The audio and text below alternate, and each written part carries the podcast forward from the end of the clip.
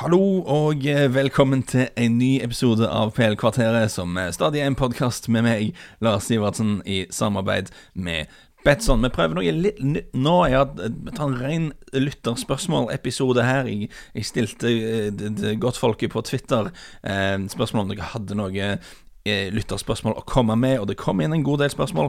Ikke for mange spørsmål heller, og det er jo bra. Så jeg kommer tatt gjennom de fleste her, tror jeg. Um, bare si aller først at eh, beklager, jeg, jeg skal nok ta en hel ny pod om hele Newcastle og Saudi-tingen, for det er jo en stor uh, story som vil, kan få store ringvirkninger for Premier League framover. Så takk til dere som sendte inn spørsmål om akkurat det der, uh, men de kommer vi ikke til å ta nå, for det kommer en hel pod om det ganske snart.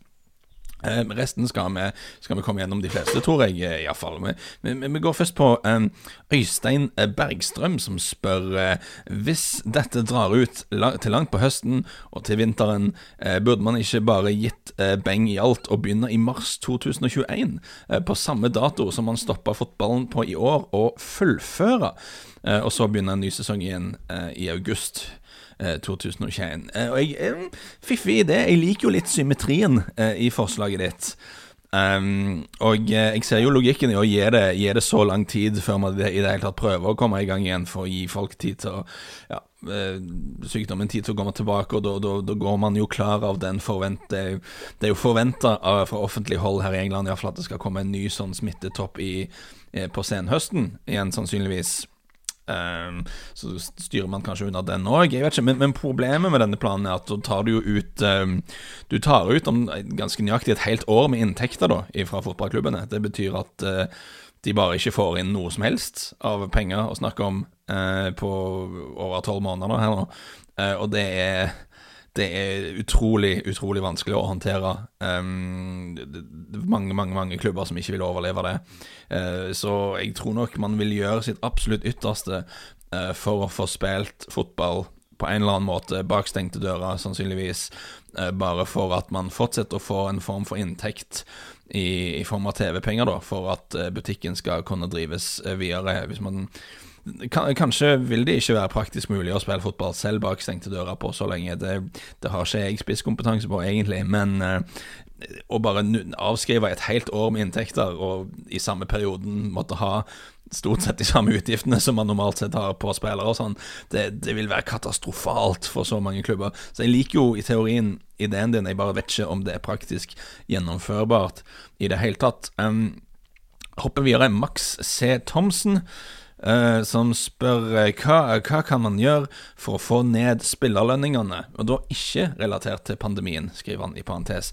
Uh, Eliteseriefotball blir dyrere og dyrere, tenker hovedsakelig i Premier League, men samme tendenser i Spania, Italia osv. Ja, så tanke på at uh, klubber bruker masse penger på på å lønne spillerne sine, og de henter inn igjen de pengene bl.a. ved, eh, ved at det er dyrere billettinntekter og større TV-avtaler og sånne ting. Eh, interessant problematikk. Um, det, det, som er verdt å si, da, er at klubbene jevnt over um, går litt bedre businessmessig nå uh, enn de gjorde før. Um, Financial Fair Play uh, har etter at Financial Fair Play ble innført, så har klubbøkonomien kollektivt rundt forbi Europa blitt bedre og bedre.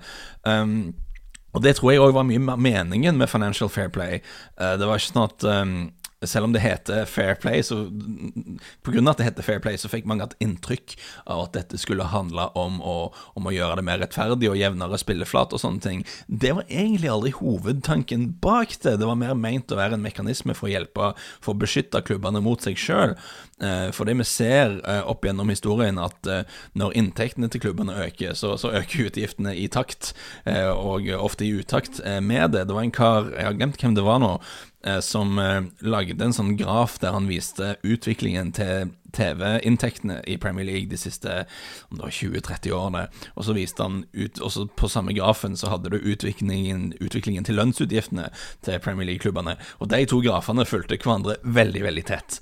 Eh, så jeg tror, ikke, jeg tror det er mekanismen her er mye mer sånn at um, spillerlønningene blir høye fordi inntektene er bra. Altså Alle prøver å tjene så mye penger de kan, og så ender det med å gå rett ut i, i lønninger. Eh, fordi det er sånn eh, businessen fungerer. Men jeg skulle jo egentlig bare ønske at eh, at, at, at, man, at, billetter ble billigere og sånne ting, selvfølgelig.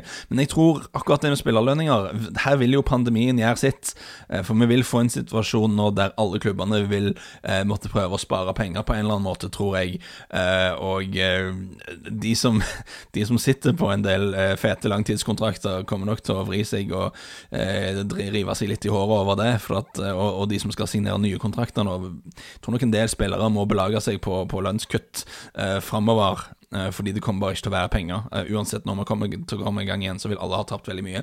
Så kanskje det vil komme en reduksjon der. Og så har kan man da se det på den måten at da, hvis man får en reduksjon i det generelle utgiftsnivået, så har man da en mulighet uh, til å prøve å holde det lavt. da. men jeg vet ikke. Det menneskelige natur og fotballbransjen er sånn som den alltid har vært. Jeg, jeg har ikke sånn kjempetiltro til at uh, klubbene skal klare å ordne det sjøl, så kanskje rett og slett det burde vært uh, sterkere regulering der. Kanskje mer eh, innsyn, og kanskje Premier League burde bare innføre en regel som sa at vi vi skal se alle regnskapene deres, og du får bare ikke lov å bruke mer enn 65-70% av inntektene på lønninger. Punktum. Eh, og litt som sterkere, sterkere, regelverk og rammeverk, sånn sett. Det vil jo sikkert føre til mye snusk og snik, men det er kanskje noe som er verdt å, å prøve. Jeg er ikke helt sikker. Eh, Lasse Myrhold spør eh, hvor stor uh, positiv betydning får det for spillernes helse, eller ja, positiv i parentes betydning får det for spillernes helse å få dette avbrekket i en tid der pause er en sjeldenhet for de beste spillerne. Interessant poeng, for jeg har jo mest tenkt på dette med at um, dette er en enorm utfordring for spillerne. De får ikke trent sånn som vanlig. De må være inne hjemme og sånn. Uh, og det blir jo en skikkelig sånn test for hvem av, de, hvem av spillerne som er, som, har, um, som er, mest disiplinerte. Hvem er det som er best til å, til å, holde seg i form? Jeg tenker klubbene har sikkert gjort sitt uh, for å prøve å sørge for at spillere holder seg motivert og spiser riktig og trener riktig og sånne ting. Jeg tror ikke mange av disse topputøverne sitter hjemme og spiser kebab hele dagen her nå, uh, men det er nok noen som vil håndtere det bedre enn andre, eh, og det er nok noen som har eh, litt sterkere, sterkere, mentalitet, kanskje litt bedre disiplin på det, og vil komme ut av denne perioden i bedre form. Men det jeg tror Herr Myrhold her tenker på, er at eh, det faktisk kan ha en oppside, da. At istedenfor tut og kjør med, med to-tre eh, to kamper i uka, iallfall, eh, hele våren, sånn som det ofte er for de aller beste når, når det er serieinnspurt og cup og Champions League og alt, så får man en pause man får ikke EM som vanlig. Så Det kan være det faktisk er litt bra for dem. Eh, vi har jo sett en liten trend, føler jeg, på at uh, Kanskje vært en egen blogg eller noe sånt og se litt nærmere på dataen, men jeg føler det har vært en trend om at du ser flere spillere som brenner ut fysisk ganske tidlig i karrieren. Du ser et par, sett noen spillere som, som tidlig på 30-tallet bare går tom fysisk omtrent. At det, det er som en bil som har kjørt for langt, og de har for mange minutter på klokka, og de bare forfaller noe voldsomt. Og En lurer jo litt på hva all denne fotballen og den intensiteten og farten vi ser i spillet og den, den, kombinasjonen av de to tingene, hva det egentlig gjør med kroppen til disse utøverne. Eh, selv om dette blir litt eh, offsatt av at man vet mer om sportsvitenskap og sånn, og at de holder seg bedre i form og spiser bedre og alt sånn, men de fysiske kravene er større. Så kanskje det faktisk kan være en oppside for en del Eh, spillere der ute som har spilt veldig veldig mye fotball de siste par åra, eh, som har hatt turnering nesten hver sommer. Eh, Eh, og som tettkampprogram og sånn, at de faktisk får et par måneder der de ikke spiller fotball. Det, det, er en interessant måte å se på det. Eh, og eh, gitt at de faktisk består den disiplintesten og klarer å holde seg i form skikkelig når, når det er lockdown, så, så, kan det faktisk være en oppside der. Det, det, er en fin måte å se det på. Marius Bratli spør Han har tre spørsmål. Én, hva mener du er den beste løsningen for å få fullført årets sesong? To, eh, om de ikke får fullført årets sesong før neste starter, bør de stryke årets og starte på nytt, eller spille ferdig og deretter starte ny sesong. Tre, hva tror du kommer til å skje? Det burde jo definitivt vært en hel egen pod, og vi har jo vært litt innom det i podder før. Men det som slår meg i hele den der debatten om avskriv sesongen versus um, fortsett sesongen Altså, jeg, jeg tenker, sånn som jeg ser på det at fotballen det vil, det, Fotballen kommer tilbake når fotballen kommer tilbake igjen, har sagt. Uh, på et eller annet tidspunkt vil det være mulig å spille fotball igjen.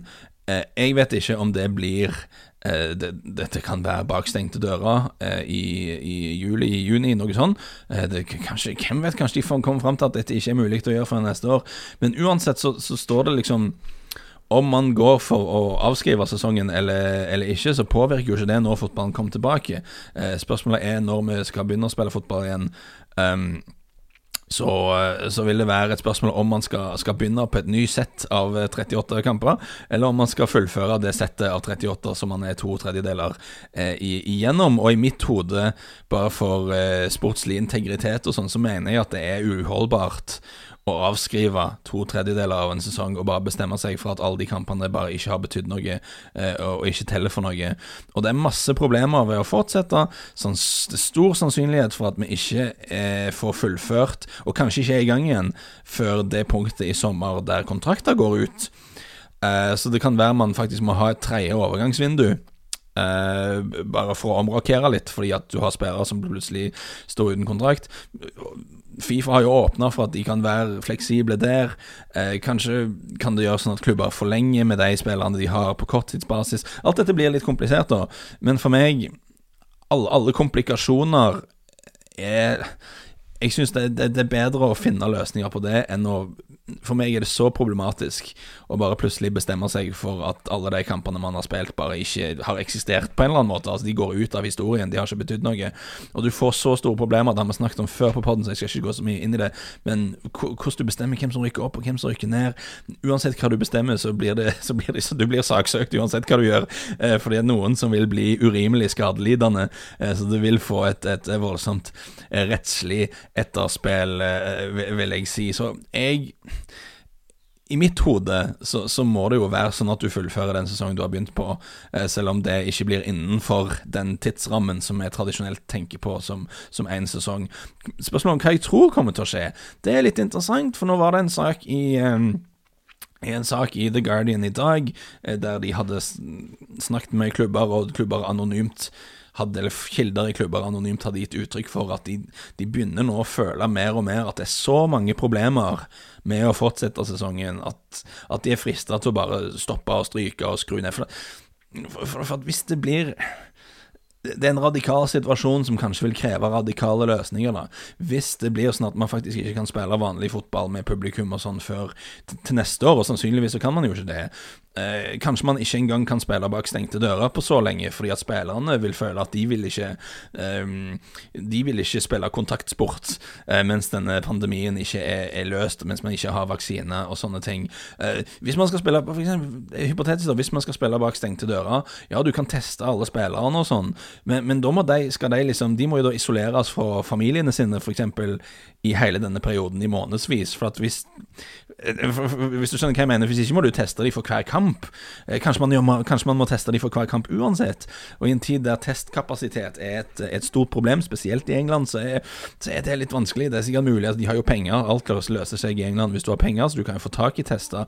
Men rent hvordan ser det ut når man ikke har kapasitet til å teste eh, helsearbeidere? At man liksom plutselig har kapasitet til å teste masse fotballspillere hver uke. Det, det er jo ikke så bra. Så det, det er vanskelig, og jeg tror flere og flere klubber liksom ser eh, på vanskelighetsgraden og blir litt sånn hva skal vi gjøre her, hvordan skal vi få det til å gå i orden? Så, så det, det, vil nok komme en liten sånn bevegelse mot det der at folk vil flørte med ideen. Bare bare si vi sier stopp, vi avskriver alt, og, og bare legger alt på vent. Um, og så, og så, starter man opp igjen når man kan starte opp igjen. Så Kjempeinteressante spørsmål om hva som skjer med spilleren i mellomtiden. Eh, igjen tema for en annen pod, kanskje. Eh, litt sånn eh, ikke koronating, litt eh, annen retning. Eh, Atle Homb, eh, Vesterås. Vest, Vester, Vester, Vesterås Det står jo Vesterås her, beklager. Herregud. Atle Homb Vesterås. Lenge til QPR er Premier League? Spørsmålstegn. Ja, ok. jeg tror jo egentlig det. Men championship er en utrolig interessant liga, fordi at det, det er et godt eksempel på et sånn playoff-system som virkelig fungerer. For at det, det er såpass mange playoff-plasser der, at, um, og ligaen er såpass jevn de fleste sesonger, at du har mange lag som liksom er med i, i kampen om en playoff-plass til langt, langt ut på våren. Og, og når fotballen stoppet, så var vel QPR De var ikke mer enn seks poeng utenfor playoff, om jeg ikke husker feil. Så championship er jo sånn at du kan ha et ganske middels lag og gjøre en ganske middels sesong, men hvis du bare bom treffer skikkelig formkurve når det er ti kamper igjen av sesongen, og vinner, vinner syv-åtte av de ti, så plutselig er du med i playoff, selv om du ikke har gjort så mye riktig. Eh, og i playoff så kan jo absolutt alt skje. Eh, så jeg, jeg, det er nesten ingen lag i, i championship, unntatt de helt i bånn, så er det nesten ingen du kan si det er helt umulig for dere å rykke opp. Det er jo derfor championship er en såpass artig divisjon som han er. Det jeg vil si om QPR, da, er at de, de er en klubb som de, de Jeg tror mm, Masse spørsmål igjen. Skal vi lage en del to? Hvordan skal vi gjøre dette? her? Nei, Vi svarer ferdig på dette, iallfall. Um, QPR um, har jo ikke De har ikke verdens største stadion, de har ikke verdens største kommersielle inntekter. De, de, vil, de, vil, neppe være i posisjon til å kjøpe seg opp i Premier League med det første, sånn som de har gjort før. Altså når, når QPR rykka opp i 2011, eh, første gangen, da, så hadde de hadde lønnsutgifter som tilsvarte 183% av omsetningen sin. så for hver, for hver eh, hundrelapp de tjente det året, så betalte de ut 183 kroner i lønn til folka sine. Så det er jo Sånn kan man jo ikke holde på. Um, ikke altså Nå har man jo Financial Fair Play-regler som gjør at det bare ikke, ikke går i det hele tatt, omtrent. Uh, og igjen så rykte man ned, og etter hvert, og i 2014, da de rykte opp igjen, uh, da med Harry Rednap Det året de rykte opp, 2014, da hadde de lønnsutgifter på 195 av, av den totale av omsetning av, av inntekt. Så det, det, det, det, er jo helt sånn Cooper er et kjempeeksempel på en klubb som liksom virkelig har, har vedda hus og gå på at de skal rykke opp, og, og, har ikke klart å stabilisere seg i Premier League. Så de, de har slitt litt økonomisk, men de har fått en sånn det har vel redda mye for dem at uh, eierskapet tilga litt gjeld til eieren og sånne ting, så de har fått avskrevet litt sånn lån og sånn som, uh, som har hjulpet dem da. Men uh, iallfall, er det lenge til QPR i Premier League? Hvem vet? Champions League, eh, Champions League Championship er nokså bingo. Jeg, har en del spørsmål til. Vet du hva, nå har jeg lova dyrt og hellig å få kontroll på lengden på disse episodene her, og så har jeg jo bare ikke fått det til i det hele tatt. Men jeg har flere spørsmål, og um, ja, nei, vi, vi pløyer på. Hvorfor ikke? For, for, her kommer det et veldig viktig spørsmål uh, fra Steinar Lima, som spør vanlig farse eller grønnsaksfarse. Uh, og det, det, det, er kanskje litt mystisk for deg hvis du ikke, ikke er fra Jæren og ikke kjenner til farse, men farse er jo en, en ekte uh, delikatesse og, uh, og en, en, verneverdig naturskatt, vil jeg påstå. Um, og, og, jeg er alltid ikke noe stor på grønnsaksfarse. Altså, at man skal liksom ha biter som gulrøtt og erter og sånn, sånn faenskap oppi der. Det er, ikke, det er ikke helt fan av. Så jeg går for vanlig farse der. Og hvis du ikke vet hva det er, så må du, når det er sånn at vi kan reise rundt igjen, så må du ikke dra til Bryne og, og sjekke det ut. Kristian Larsen spør eh, hvordan ser du for deg at overgangsvinduet blir? Eh, hvem er det som faktisk har mulighet til å gjøre noe? Det kunne òg godt hatt sin egen, helt egen pod, det spørsmålet der, men um, korte svaret er klubber som har mye kontantreserver, vil jo være i bedre posisjon enn andre. Eh, klubber med rike, rike, rike eiere som, har, eh, som er villige til å investere, vil være i en bedre posisjon. På kort sikt så tror jeg alle nå er så opptatt av å bare ikke gå under.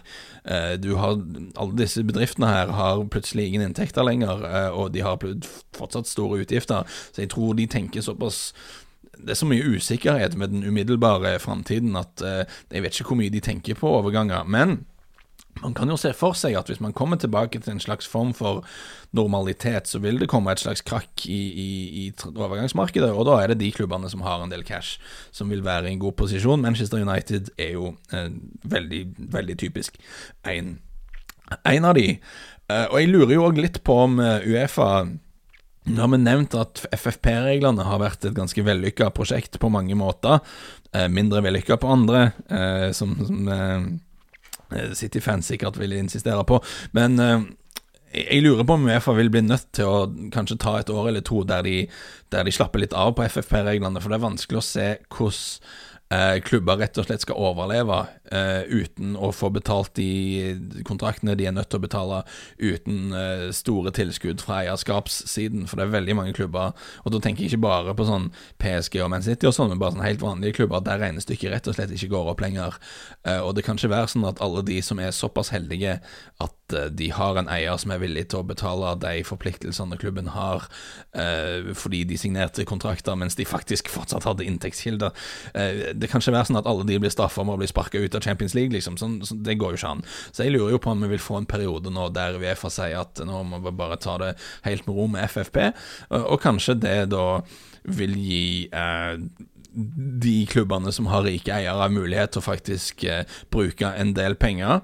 Så lurer vi oss sikkert ikke helt det Uefa har lyst til å se heller, men samtidig er det jo ikke dumt om det blir skutt inn en del penger inn i systemet etter, sånn, eh, etter en sånn kriseperiode sånn som dette her. Så det, er ikke utenkelig at de klubbene som, er, som har penger, kan, kan, få brukt en del, og at det kan endre landskapet i europeisk fotball eh, lite grann. Eh, Eli i Skuggerud spør er du mer optimistisk nå enn da korona brøt ut med tanke på det britiske helsevesenet. Eh, litt sånn downer-tema, men, eh, men, ja, altså, jeg var jo veldig bekymra Uh, i, i, den svært bekymra episoden av uh, PL-kvarteret så var jeg først og fremst bekymra for at det ikke så ut som om engelskmennene hadde tenkt å stenge ned ting i det hele tatt. Uh, regjeringen snakka om herd immunity, at man rett og slett bare skulle la alle få det her viruset. Så, og så ordner det seg. Um, det var vel en ukes tid, litt mer enn det, etter jeg tok opp den poden, så bestemte de seg likevel for at dette var en utrolig dårlig idé, eh, og, og stengte ting ned likevel, eh, heldigvis. Og nå ser vi jo at kurven er i ferd med å bli flatere, som det heter, helt i tråd med at det nå er en tre-fire uker siden ting faktisk blir stengt. Eh, men det er fortsatt fryktelig mange dødsfall her borte, vi er nå over 18 000 døde, og det tallet er definitivt feil, fordi at det tallet er bare folk som dør på sykehus som blir telt. Så når du hører sånn det offisielle koronadødsfallet fra Storbritannia, det er bare folk som har dødd på et sykehus. Så alle som dør eh, på et pleiehjem eller bare i heimen, eh, blir ikke registrert eh, som et koronadødsfall. Eh, og jeg, altså jeg, Bare et eksempel fra en av mine bekjente. Jeg har en bekjent som fortalte meg at de har en eldre, en eldre medlem av familien eh, som var på sykehus. Hadde mye koronasymptomer men, men, men, ble ikke testa, da. Uh, fordi at det var ikke så mye det var, det var, ikke så bra testkapasitet, det var mye som sto på og sånn. Så han var sånn hostehark og sånne ting. Og så nei, det ser jo litt ut som du har korona, da, sa de, og sendte han tilbake på sykehjemmet. Uh, så det, det, er jo sånn, Du må jo le eller gråte. Det, det, det å bli helt gal av responsen her borte har vært utrolig, utrolig dårlig, men man har iallfall man stengte iallfall ned når man gjorde det, så man har klart å få stoppet det opp litt. Eh, Financial Times har undersøkt litt og sett på hvor mange dødsfall som har blitt registrert totalt opp mot det som er normalt eh, for denne tiden av året, og kom fram til at eh, det kan være snakk om så mange som 40 000 eh, dødsfall som følge av pandemien her totalt sett. Eh, det er en utrolig, utrolig vanvittig tragedie. Og eh, nei, jeg er ikke optimistisk i det hele tatt, eh, fordi det har jo ikke gått bra. Og det har ikke blitt så dommedag som jeg var redd for, fordi at man endte heldigvis opp med å stenge ned. Men men bra har det iallfall ikke blitt. Eh, helt annet type spørsmål. Magne Landa Eggebø. Hva historier hadde Barry hørt om deg før han traff deg som du ikke ville lufte på Football Weekly? Eh, vi gjorde en litt sånn rar episode av Football Weekly nylig der eh, eh Det vi har gjort på denne, denne podkasten til The Guardian som noen sikkert har hørt om, andre kanskje hører på, er at fordi det er ikke så mye å snakke om, eh, så tar de episoder der de liksom eh, Litt sånn mini-selvportrett av folk som er mye med på podden, da. Uh, og jeg advarte jo veldig mot Vi må ikke gjøre en sånn pod om meg, for at livet mitt er ikke så, så sånn Eh, portrettepisode av Philippe Auclair, som er liksom musiker, forfatter, eh, gravejournalist og livsnyter, og har, har, så utrolig mye rart å fortelle om i bakgrunnen sin, så er det spennende. Ikke like spennende med min livshistorie, egentlig, men vi gjorde nå en sånn episode, og da forklart Da eh, avslørte eh, podkastens faste sidekick Barry Glenn Denning at han hadde hørt mange historier om meg, om at jeg var en slags villmann.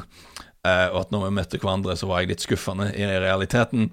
Og vet du hva, helt ærlig, jeg vet ikke hva han sikter til. Det kan være Altså det var vel en periode av, av, av, livet mitt der privatlivet litt, var litt sånn uryddig. Kanskje det var noe sånt han, han sikta til. Jeg vet ikke. Um, nå er alt ganske ordna og rolig, så uh, uh, Men vet du hva, når, når, du hører at folk liksom sier ting om deg når du ikke er der, så er det av og til best å bare ikke vite hva det er. For det, det, du bare prøver ikke tenk på det. Fordi at uh, Ja det, trenger ikke bare være positivt alt sammen heller. Uh, Geir uh, Halvor Kleiva spør Dette er kanskje det viktigste spørsmålet, da. Hva syns hun om denne isolasjonen? Uh, jeg vil jo si at dette er et av de viktigste spørsmålene. hun har vært litt molefonken akkurat denne uken Vi går jo tur, da, sånn som vi pleier. Vi går litt seinere på kvelden, for jeg syns det er greit å være i parken når det ikke er noen andre der, eh, med tanke på smittefare og, og, sånne ting.